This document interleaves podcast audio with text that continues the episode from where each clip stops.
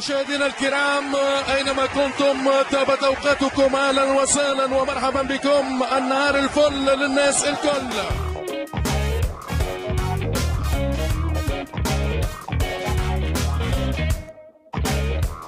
مستمعيني الكرام حبايبي يا رب سنة جديدة عليكم سعيدة بإذن الله. 2022 إن شاء الله أفضل من اللي قبلها. وإن شاء الله نخلص بقى من الكورونا واللي كل شوية متحور جديد والقح أجدد بعيد عن الموضوع بتاع الجرعة الثالثة والرابعة المحتملة طبعا موضوعنا عن كأس الأمم الأفريقية هي الكاميرون قادرة فعلا على التحدي ده؟ وإيه موضوع التهديدات اللي قاعدين نسمع عنها هناك دي؟ يا ترى في خطة حقيقية ولا إحنا في احتمالية الكارثة فعلا؟ تعالوا نشوف مع بعض. كأس الأمم الأفريقية كلنا عارفينها وعارفين تاريخها. بدأ في السودان سنة 57 بثلاث منتخبات مصر والسودان وأثيوبيا. مصر خدت البطولة بعد ما كسبت أثيوبيا 4-0 وكان من المفروض إن جنوب أفريقيا هتشارك في البطولة دي بس استبعدت بسبب العنصرية اللي كانت رهيبة في الوقت ده.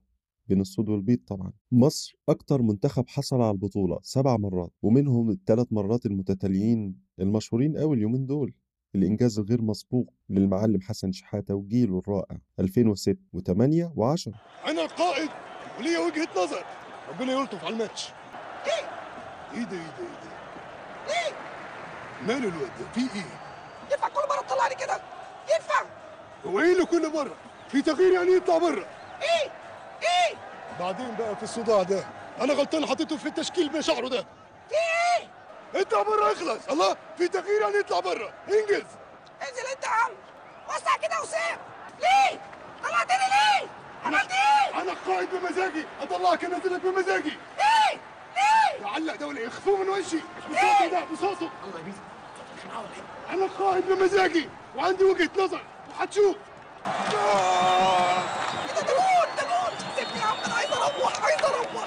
أنا في المركز الثاني الكاميرون. خمس مرات. أجيال كبيرة وذكريات حلوة قوي عشناها مع كأس الأمم الأفريقية. نتمنى نشوف بطولة كبيرة بجد تليق بالأسماء الكبيرة قوي اللي موجودة فيها. لكن في حاجات بتخلينا نقلق من البطولة ومن أجواءها. لا لا لا مش البنية التحتية والاستادات والكلام ده. لا لا لا. ده في استادات يا راجل شفناها شبه الملاعب اللي بنروح نأجرها نحجز فيها ماتش. ده في ملاعب اتلعب عليها نهائيات. حالتها مش قد كده يعني. وإحنا شفنا الكلام ده كتير. واللي بيتفرج على دوري أبطال أفريقيا عارف الكلام ده كويس. أنا والله العظيم فاكر في ماتش شايف حامل رايه بطنه نص متر قدامه. الوضع في أفريقيا مختلف مش هو ده اللي ممكن يهدد البطولة. هتقول لي اميكرون والكورونا هقول لك لا برضه. الدوري الإنجليزي لحد دلوقتي بيتلعب جماهير كمان رغم الأعداد الرهيبة المتزايدة هناك في المملكة. وده على فكرة شبه الكلام اللي ردت بيه الحكومة الكاميرونية على فرق أوروبا الكبيرة اللي كانت خايفة تبعت لاعبتها. وبيقولوا إن أفريقيا والكاميرون مش قادرين يحموا لعبتنا من الكورونا. الحكومة الكاميرونية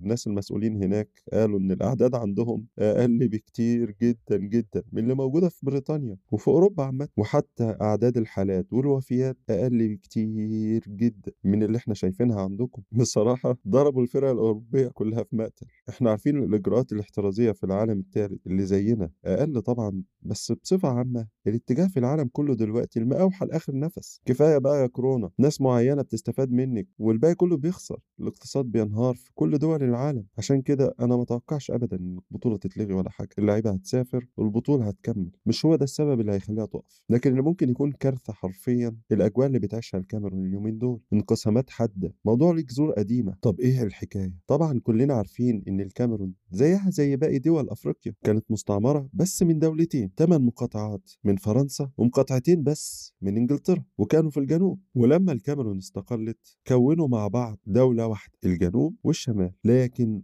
فضل رغم الاتحاد ده الجنوب اللي بيتكلم باللغة الإنجليزية حاسس بالتهميش رغم إن اللغتين الفرنسية والإنجليزية منصوص عليهم كلغات أساسية في الدستور ومعترف بيهم لكن يا سيدي الاحتلال وموروثاته كلنا عارفينهم بيمشوا شكلا بس لكن لسه سايبين أفكارهم ومشاكلهم وراهم عندنا. الموضوع وصل لأن الجنوب الإنجليزي ده عايز يستقل بنفسه ويعمل دولة لوحده الدنيا قايمة هناك واشتباكات الجيش وشرطة ومسلحين حوارات. الجنوب اللي عايز يستقل ويقيم دولة ويسميها أمبازونيا مش ساكت وعمال يهدد و... وبيقول إنه ممكن يفجر أماكن تانية غير اللي فجرهم قبل كده وآخرهم نوفمبر اللي فات ده. كان في تفجيرين مشهورين جدا. الناس دي بتهدد إنها تفجر عند المعسكرات منتخبات وتستغل وجود نجوم كبيرة زي محمد صلاح ورياض محرز وساديو ماني وغيرهم. الكلام خطير. ربنا يحفظ الجميع يا رب. العالم فعلا بقى غريب. الحكومة الكاميرونية بتقول مفيش داعي للقلق وعززت ووزعت جنودها من الجيش والشرطة في كل حتة خاصة بقى جنب الاستادات والأماكن اللي هيتجمع فيها المنتخبات المشاركة. ربنا يستر. المجتمع الكاميروني مفهوش تناغم خالص وفي تباين كبير ماهوش في اللغة بس لأ ده الديانات والأفكار و... وكل حاجة حتى اللهجات بلد عجيب ربنا يحفظ بلادنا من الانقسامات. معرفش ليه الدنيا ماشية كده وكأن مفيش حاجة شيء غريب بصراحة. عشان كده حاسس إن تصريحات إيتو الأخيرة عن تخصيص الصف الأول لأبطال الكاميرون ولاعيبة أساطير أفريقيا القديمة زي روجيه ميلا ووضع مسؤولي الاتحاد الدولي في الصف الثاني تصريح عن تاري والهدف منه شوشرة إعلامية على حاجات كبيرة ومصايب زي اللي أنا بتكلم فيها في احتمالية تفجيرات وكلام الفاضي ده واختطاف وغيره التصريحات دي فعلا قدرت تشتت الناس وتبعدهم عن الموضوع الأصلي اللي ممكن يهدد إقامة بطولة زي دي من الأساس. والغريب بقى في الموضوع إن أنا قعدت أدور ما لقيتش أي مصدر يقول إن إيتو قال كده أصلا مع إن الموضوع انتشر زي النار في الهشيم كل الناس قريته وسمعت عنه لكن لا لقيت فيديو ولا أي حاجة موثقة للموضوع. إيتو طول عمره صاحب تصريحات رنانة وليه شعبية وطول عمره عنده غيرة على أفريقيا واللعيبة بتاعتها خاصة اللي مش واخدين حقهم لكن مفيش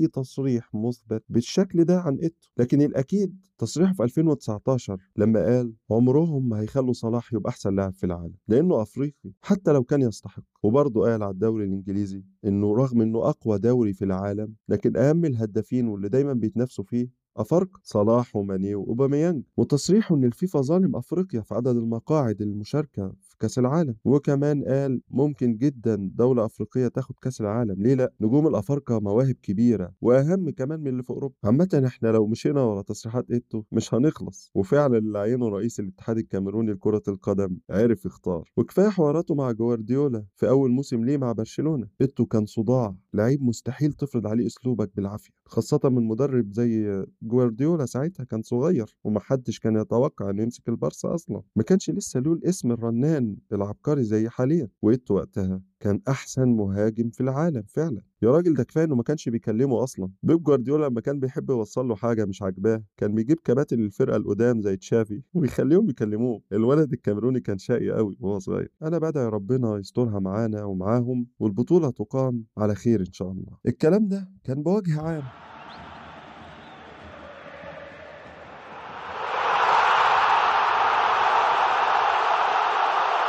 نروح بقى للكلام عن المنتخبات والتشكيلات والمجاميع ونتكلم عن البطولة الأفريقية رقم 33 المجموعة الأولى الكاميرون بوركينا فاسو إثيوبيا والرأس الأخضر. وأعتقد المجموعة دي محسومة بشكل كبير يعني الكاميرون وبوركينا ويمكن الرأس الأخضر تطلع من أحسن توالد لكن أكيد كاميرون وبوركينا اتأهلوا خلاص. الكاميرون هتكون على الأرجح الأول وبوركينا المركز الثاني. وهنبقى نرجع إن شاء الله للفرق دي بعد ما نشوف المباراة الافتتاحية ونحلل التشكيل وطريقة اللعب. لكن نروح بقى دلوقتي المجموعة التانية سنغال زيمبابوي غينيا ملاوي. برضه أنا أعتقد إن المجموعة شبه محسومة ما بين السنغال وزيمبابوي. غينيا يعني ممكن لكن ملاوي فرصتها بصراحة قليلة جدا جدا. ممكن غينيا تحاول تلعب على أحسن توالد هنشوف عامة إيه اللي مستخبي لنا من غينيا. يمكن فيه أي لاعب مصري. لاحظوا الطريقة باش نزلت الكرة من كاماتشو والقذفه القوية ديال حجي اللي ما تركت أي حد تابعوا جميع من عند أمزين. وإن كان آه، العاملي كما قلت بأن قبل من أمزين. حجي قبل ما تنزل تتستقر في الركن الأيسر لمرمى الحارس نادر السيد. المجموعة الثالثة المغرب غانا جزر القمر والجابون. بصراحة المغرب وغانا هيسيطروا طبعا على المجموعة. هو بس الكلام المغرب فعلا هتقدر تفرض نفوذها وتبقى الأول ولا غانا عندها مفاجآت للمغرب؟ الصراحة المغرب منتخب تقيل بجد. تخيل زي ما لقاش مكان. أمال التشكيلة هتبقى عاملة إزاي؟ المغرب جيل جامد. زي ما غانا طبعا عندها لعيبة كبار ومعروفين. أكيد برضه مرشح والصاغ زيدان والصاغ زيدان هي خطيرة والصاغ صعبة. وإمكانية وجول وجول بوتريكا جول بوتريكا المجموعة الرابعة ودي اللي هنقف عندها شوية. نيجيريا مصر السودان. غينيا بيساو. نيجيريا مستعد بس عندهم اسمين مش هيلعبوا مهمين جدا في الهجوم. إيجالو نجم هجوم النسور وهدافهم وهداف واتفورد ومفاجأة البريمير ليج للسنة دي إيمانويل دينيس. لاعب target محترم وبصراحة أنا متابعه لاعب كبير. أنا يتهيألي إنهم أكيد هيكون ليهم تأثير في غيابهم. لكن لو بصيت على التشكيل اللي موجود لنيجيريا هتلاقي عندهم صامويل تشاكويزي أفضل لاعب أفريقي ناشئ. ولد بجد مزعج سريع بيجي من ناحية اليمين بيعمل عرضيات بشماله أو بيصلح لزمايله لعيب مراوغ وال dribbling بتاعه كويس وعنده ثقة بنفسه وبيحظى بثقة زمايله مع الغواصات الصفراء في الليجا. أظن ممكن يسبب عندنا خطورة خاصة إن فتوح مهاجم. صحيح إنه مهاجم لكن هو برضه بيدافع كويس. لكن الأكيد إن هو لو كان متقدم هيحتاج حد يغطي عليه من نص الملعب. اللعيب الوحيد اللي في تشاكويزي إن finish ه وحش رجليه قليلة شوية على الجون. وال weak foot بتاعته اللي هي الرجل اليمين يعني لا بيشوط بيها ولا بيرفع بيها. عامة الولد 21 سنة تقريبا لسه هيتطور. أعتقد هيكون له شأن لعيب كويس لو فضل على مستواه يعني لكن مش لازم يتطور في البطولة دي. نكمل ونقول إن عندهم المخضرم أحمد موسى ونجم ليستر سيتي كليتشي إيهيناتشو طبعا اللي بيعيش فترات ممتازة مع الثعالب في البريمير ليج واخد مكانة كويسة وبيحرز أهداف ومشاكس واليومين دول بيعتمد عليه براندن روجرز كتير. هيكون خطير برضه نص الملعب عندهم إيويبي ابن أخت جاي جاي أوكوتشا. النجم الكبير بتاع نيجيريا وعشان الخال والد زي ما إحنا عارفين فبرضه أويبي خبرة كبيرة في نص الملعب ولاعيب يتخاف منه ولازم النني وحمدي فتحي ياخدوا بالهم منه قوي لأن هو ممرر جيد وكمان رجليه على الجون بيشوط. فرقة النسور الخضر عامة عشان نكون واضحين جاهزة عايزين ينقضوا على طوب المجموعة دي عشان يقابلوا في الدور الثاني مستوى أقل منهم. أكيد كيروش عنده خطة ليهم ومجهزها بالنسبة لمنتخب مصر إن شاء الله أكيد هيصعد للدور الثاني مع نيجيريا. هو المعضلة هنا مين هيبقى الأول ومين هيبقى الثاني دي اللي لسه مش محسومة. طبعا كلنا عارفين إن كيروش أعلن عن قائمته اللي كان فيها مفاجأتين ثلاثة للبعض ما كانوش مفاجأة خالص بالنسبة لي. لكن على السريع كده نقول حراسة المرمى محمد الشناوي محمد أبو جبل محمد صبحي محمود جاد خط الدفاع أكرم توفيق عمر كمال أحمد حجازي محمود حمدي الونش محمود علاء محمد عبد المنعم أيمن أشرف وأحمد فتوح. خط النص عمرو السولية حمدي فتحي وإمام عاشور ومحمد النني عبد الله السعيد وأحمد سيد زيزو ومهند لاشين ومحمود حسن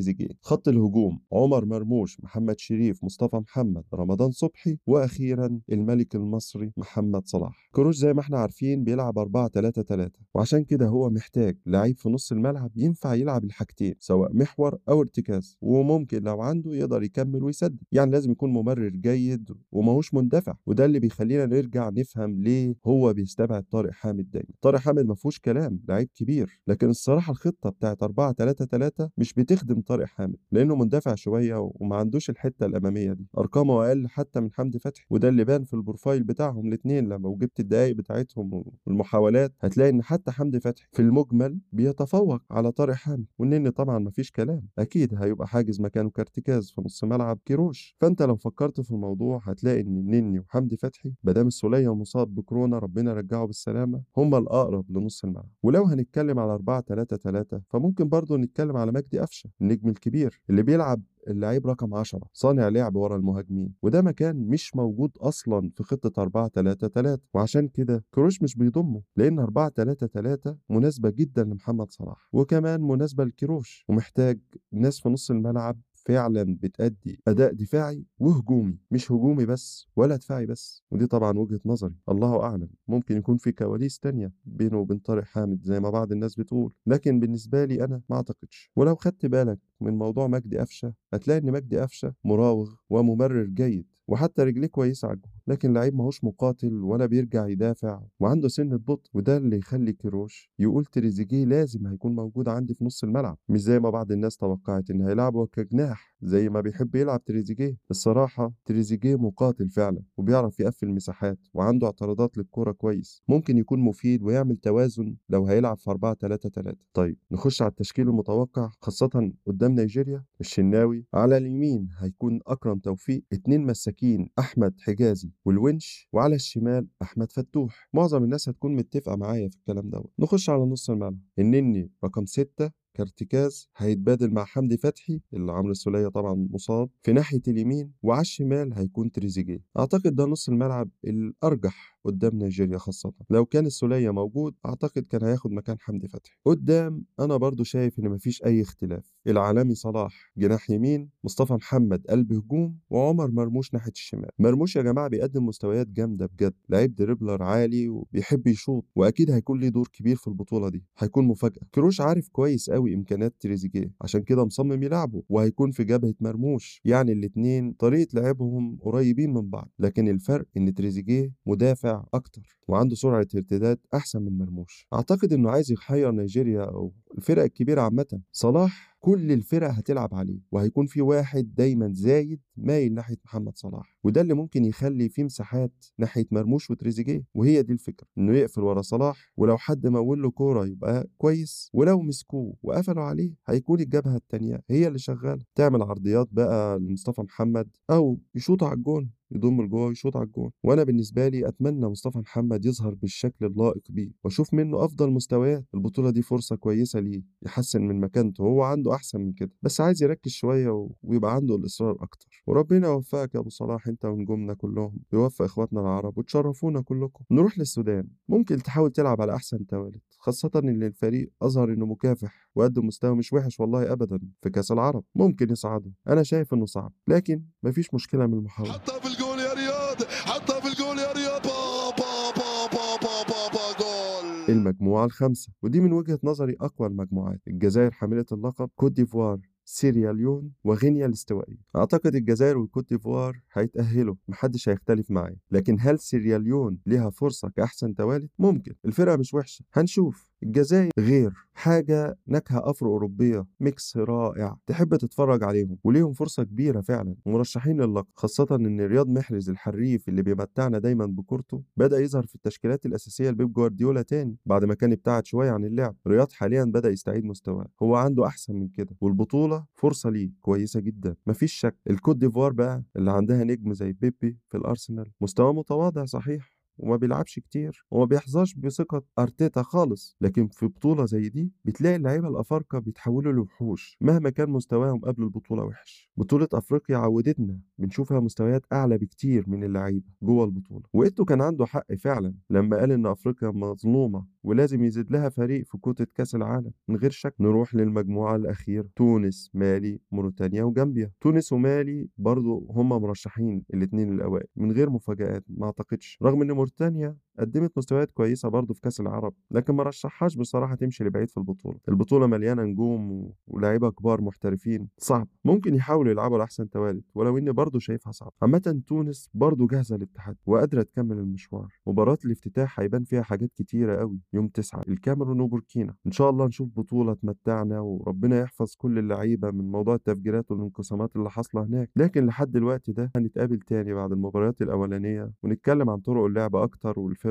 بشكل أكبر وهنرد على الأسئلة اللي عنده comment ات عايز يكتبها سواء في الحلقة أو في ال post. مستني منكم اقتراحات و share و like ومتابعة على جوجل بودكاست أو سبوتيفاي تعملوا لنا rating زي ما تحبوا ولو عايزين تتابعونا على صفحتنا على الفيسبوك في ملعوبة بودكاست محمد القاضي. مستنيكم. سلام.